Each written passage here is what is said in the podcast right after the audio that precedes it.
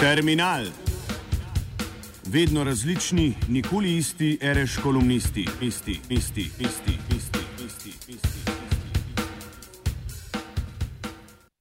Pred časom sem predstavil kratko oceno našega davčnega sistema. Kljub sicer drugačnemu splošnemu mnenju, natančne primerjave kažejo, da naši davki ne odstopajo veliko od višine davkov v primerljivih državah.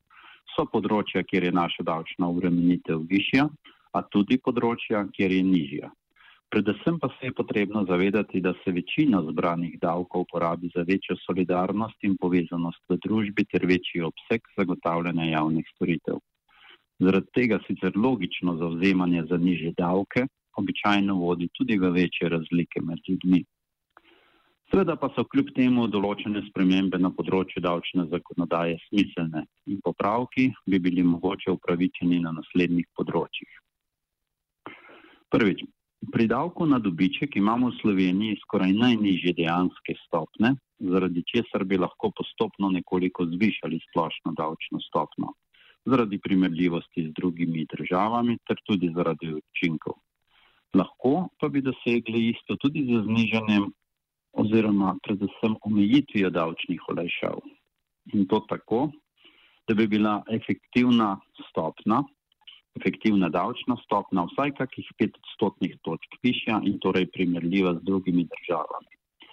Še najmanj sporna bi bila pri tem, naprimer, rešitev, da bi efektivni, torej plačani davek, ne smel biti nižji od, naprimer, 8 odstotkov da mora torej vsako podjetje plačati vsaj tolikšno stopno davka na dobiček.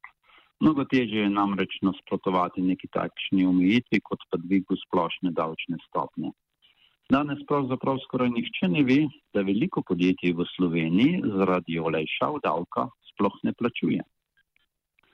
Omejiti bi morali tudi število olajšav ter raznih povečanj nepriznavanj stroškov, saj je v obračunu davka kar okoli 120 postavk. To bi morali narediti, če resno mislimo s poenostavitvijo davčnega sistema. Kot napisano, to ne bi vplivalo na obseg naložb, niti na manjše zanimanje tujih vlagateljev. E, saj, kje pa danes pravzaprav v tujini promoviramo, da imamo v Sloveniji tako nizke davčne stopne na dobiček? Drugič, pri davku od premoženja bo ob spremembi metodologije izračuna nekaj prostora za dvig te davčne obremenitve, prav tako tudi zaradi primerljivosti. Tudi tukaj so namreč naši davčni prilivi iz tega naslova precej nižji kot v drugih državah. S tem pa bi omogočili mogoče znižanje kakih drugih višjih davčnih stopenj. Vseeno pa bi ob tem povdaril, da ne zagovarjam pretiranega obdavčevanja premoženja, ker to dodatno obremenjuje tiste, ki so, vlagali, ki so dohodke vlagali v premoženje, namesto v potrošnje in bi bili zato obdavčeni dvakrat. Kot tretje področje je obdavčitev dela. Tu bi bilo smiselno uvesti določene omejitve na plačilo socialnih prispevkov, kar se danes poimenuje z izrazom socialna kapica. Čeprav se to nanaša le na ozek krok ljudi, so te skupne davčne obremenitve vsekakor neupravičeno visoke in je zaradi tega ter zaradi primerljivosti popravek smiseln. Ta predlog pomeni, da se prispevki plačujejo le do določene višine plače, naprej pa ne. Tu so smiselne predvsem omejitve tistega dela prispevkov, ki jih plača podjetje, saj bi z njimi zmanjšali stroške dela. Ne bi pa zagovarjal tudi postavljene zgornje meje pri prispevkih, ki jih plačajo zaposleni, saj bi to pomenilo samo dvig že do sedaj najvišjih neto plač. V primeru sprememb bi namreč bruto plače ostale enake, kot so določene v pogodbah o zaposlitvi.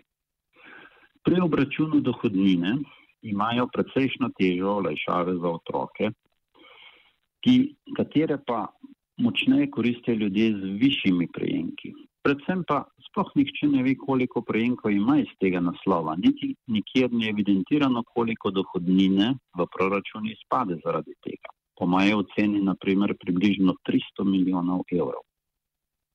Ta popravek bi bil nujen in verjetno je smiselno razmišljati v smeri ukinitve te olajšave, ter na drugi strani uvedbe nekega univerzalnega otroškega dodatka za vse otroke, kar danes pravzaprav tudi je, le da nek drug bolj zapleten način.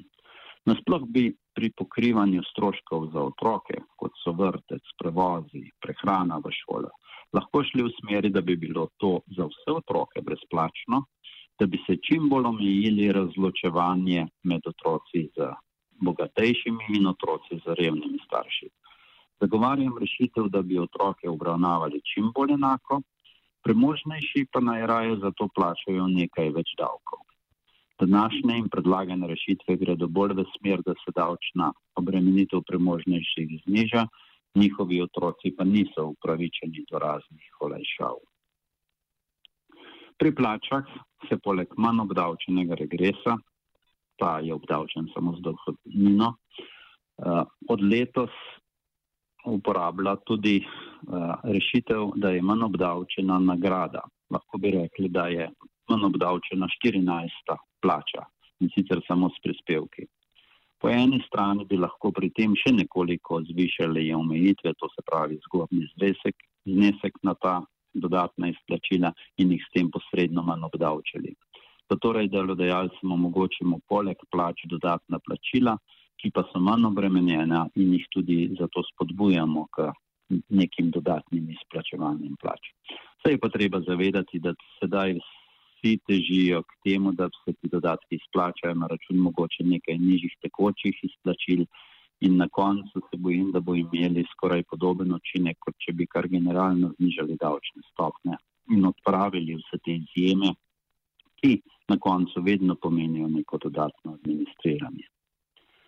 V sklopu obračuna davkov na plače mogoče spada tudi pavšalni obračun za samostojne podjetnike in dodatno delo, ki so ga sicer letos skušali nekoliko spremeniti, pa so bili pritiski premočni, da bi do tega prišlo. Vsekakor zagovarjam, da bi ta segment pavšalnih obdavčitev morali zožiti na neko manjše dodatno delo, sicer pa bi ga po obremenitvi morali izenačiti z rednim delom. Sedaj imamo kar precejšnje neupravičene razlike. Naslednji četrti sklop je davek na dodano vrednost, torej davek na potrošnjo, katerega bi bilo v ugodnih gospodarskih razmerah, kot so trenutno smiselno zopet nekoliko znižati, ter usporedno mogoče napraviti prostor za ponovno nekaj dviga na trošarinah. S tem bi imeli možnost za kak manjši dvig stopen DDV-ja v prihodnosti, če bi bile zopet takšne razmere. Vseeno pa te korekcije na vzdolj ne bi preveč zagovarjal, ker se posebno na kratki rok na cenah za potrošnike to ne bi poznalo, temveč samo na nižjih prilivih v proračunu ter višjih zaslužkih za podjetja, torej za kapital.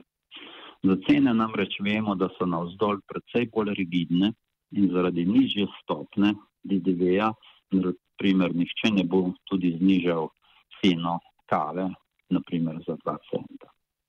Mogoče bi dal prednost temu, da se preverijo kakšne blagovne skupine glede uvrstitve v nižjo davčno stopno ali celo ničelno stopno. E, Sveda pa tudi obratno glede na kakšne nesmisle.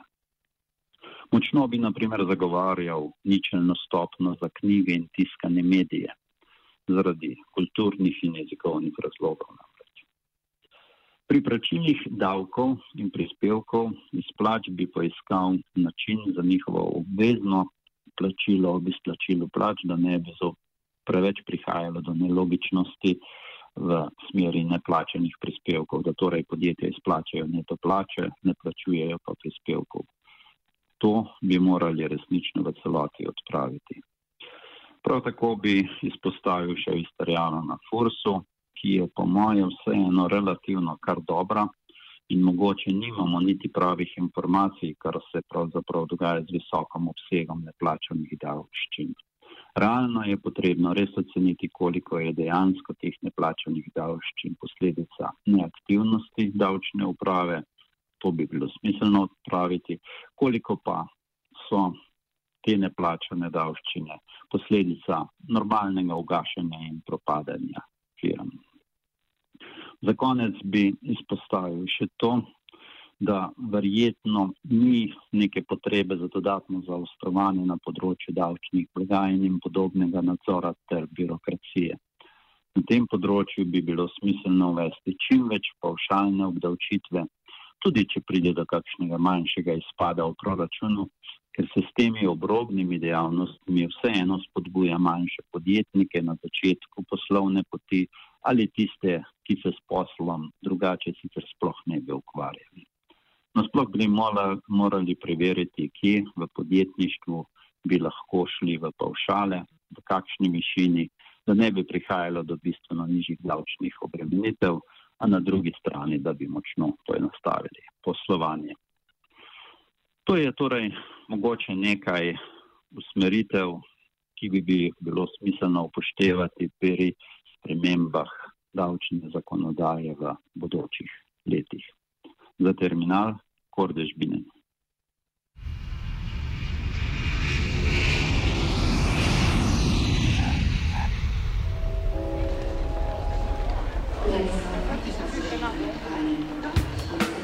Terminal.